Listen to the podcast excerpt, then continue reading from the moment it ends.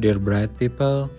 Di episode kali ini saya hanya ingin berbagi pengalaman saya dan juga teman-teman di komunitas ASN inklusif mengadakan event di hari Minggu tanggal 18 Desember kemarin yang merupakan first gathering session, sharing session yang mengundang teman-teman ASN di seluruh Jakarta dan juga sekitarnya dan juga seluruh Indonesia melalui daring untuk kita sama-sama diskusi mengenai bagaimana dinamika ASN dengan disabilitas di lingkungan kerja dan juga prospek untuk pengembangan karir ke depan dengan melanjutkan studi ke luar negeri.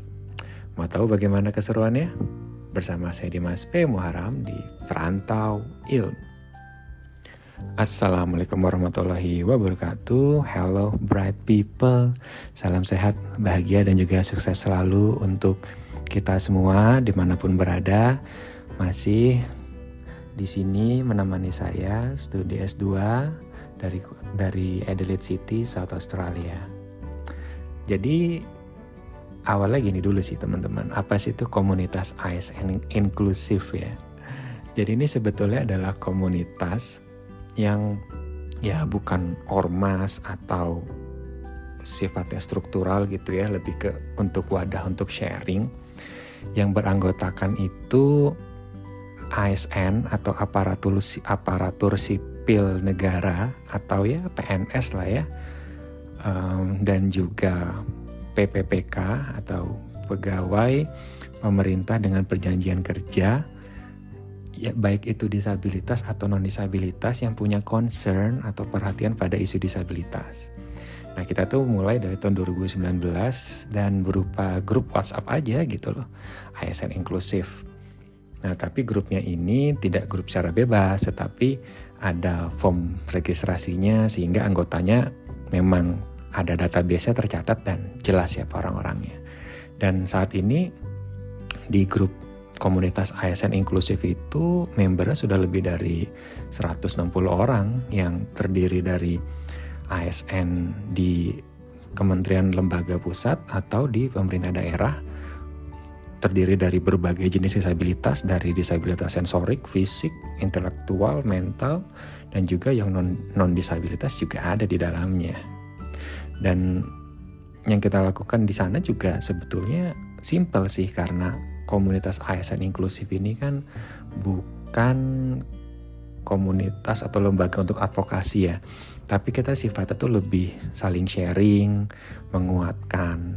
Karena kita menyadari ketika ada kebijakan pemerintah mengenai formasi khusus penyandang disabilitas untuk seleksi CPNS, itu banyak teman-teman disabilitas yang akhirnya mendapatkan kesempatan untuk bisa bekerja di sektor publik sebagai ASN dan mungkin banyak juga yang selama itu mereka tidak aktif di komunitas disabilitas atau di organisasi disabilitas sehingga mereka itu ya baru menyadari kalau mereka itu disabilitas tetapi belum tahu atau tidak hmm, pak belum paham lah ya mengenai hak-hak dan juga bagaimana mereka itu bisa hidup dengan lebih nyaman ketika menjadi seorang dengan disabilitas dan grup ini yang kita buat sebagai wadah untuk sharing sehingga teman-teman itu tidak merasa sendirian gitu.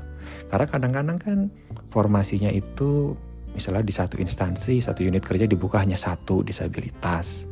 Sama seperti saya itu juga formasinya hanya satu di kantor saya yang disabilitas. Jadi jangan sampai teman-teman ini mungkin merasa terisolir, merasa sendirian dan ketika ada kendala atau hambatan nggak tahu bisa sharing atau minta pendapat dari mana gitu ya. Nah oleh karena itu kita buatlah komunitas ASN inklusif itu lebih untuk kepada untuk sharing. Nah selain itu komunitas ASN inklusif ini juga kita tujukan untuk wadah berjejaring juga kita enak kan kalau misalnya ada keperluan apa yang kita butuh temen di satu kementerian atau di Pemda tertentu, kita tinggal cari aja database di grup kita sudah ada gitu loh. Dari kementerian A sampai Z, dari Pemda ujung barat sampai timur tuh kayaknya hampir ada deh gitu di grup kita dan itu menjadi sebuah resources yang luar biasa juga dan kita ingin juga ke depan tuh bisa mengadakan kegiatan-kegiatan capacity building untuk teman-teman ini mempersiapkan diri sebagai calon-calon pemimpin di masa depan. Khususnya di sektor publik karena ASN itu kan memiliki prospek jenjang karir yang jelas ya. Ada kenaikan pangkat ada proses kenaikan jenjang untuk yang fungsional. Dan tidak menutup kemungkinan ke depan teman-teman disabilitas ini juga ada di posisi itu atau mungkin ada kesempatan juga untuk jadi pimpinan. Nah, kita ingin grup ini sudah bisa untuk wadah berjejaring dan kita ingin selalu saling mengingatkan di grup ini bahwa kita itu bisa mendapatkan kesempatan jadi ASN itu adalah salah satu hasil dari perjuangan senior-senior kita di organisasi penyandang disabilitas yang memperjuangkan dari sejak adanya ratifikasi UNCRPD sampai disahkannya Undang-Undang Penyandang Disabilitas nomor 11 tahun 2016 dan itu yang memungkinkan adanya formasi khusus penyandang disabilitas. Jadi jangan sampai kita lupa meskipun peran kita tuh tidak lagi di ormas atau di pergerakan disabilitas di luar, tapi upaya yang bisa kita lakukan adalah apa dengan bekerja sebaik mungkin dan coba untuk bisa mempengaruhi kebijakan atau ke depannya bisa terlibat dalam pembuatan kebijakan itu yang disability inklusif atau yang mendukung inklusivitas. Nah, kita ingin saling mengingatkan di situ dan saling berbagi resources agar ke depannya kita tuh bisa mengubah Indonesia ini menjadi lebih inklusif lagi dari dalam sistem. Meskipun itu bukan sesuatu yang mudah ya. Tapi ya dengan adanya grup ini kita harapkan lahirlah ke depan para pemimpin-pemimpin baru itu. Nah, di event kemarin itu adalah dari 2019 tuh akhirnya baru kita buat satu event itu yang offline.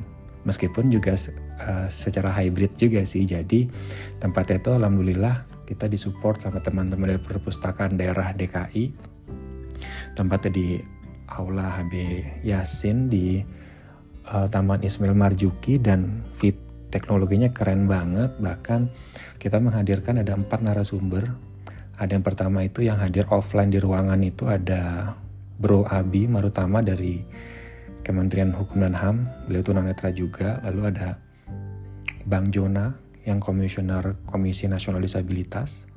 Dan yang online tuh ada Pak Maman.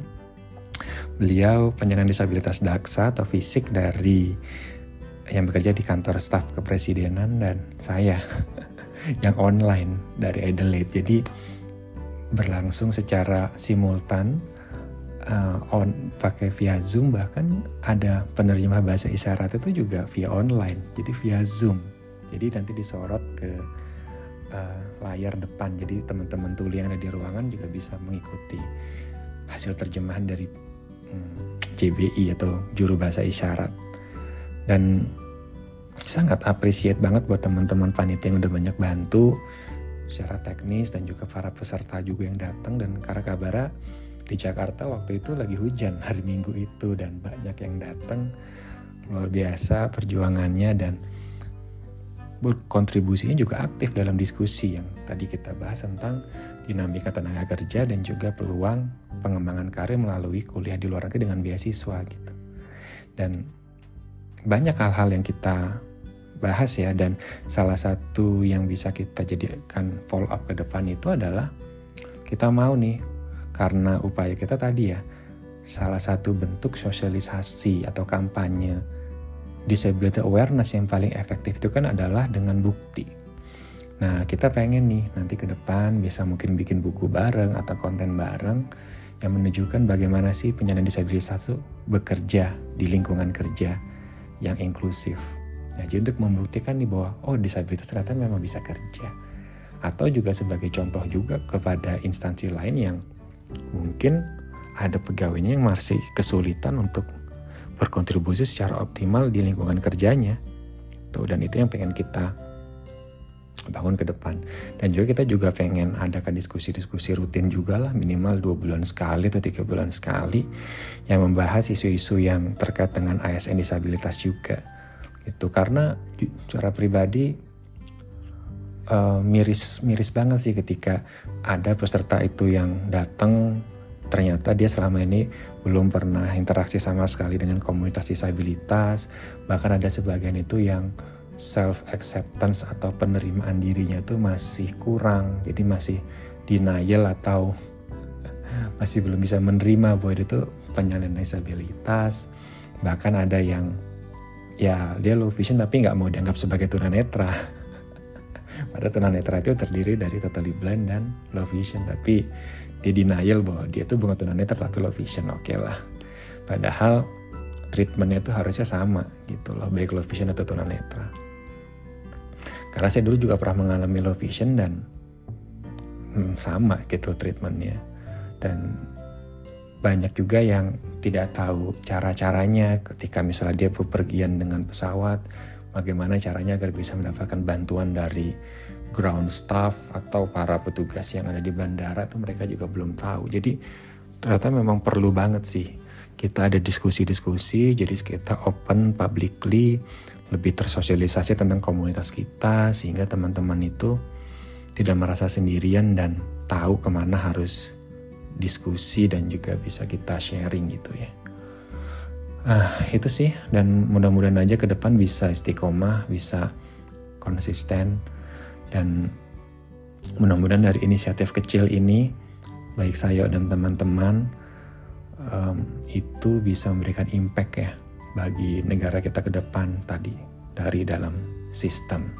Dan mudah-mudahan juga akan lahir para pemimpin-pemimpin baru di sektor pemerintahan ya syukur-syukur nanti mungkin bisa ada yang jadi direktur, jadi dirjen, atau mungkin jadi menteri, atau mungkin jadi presiden.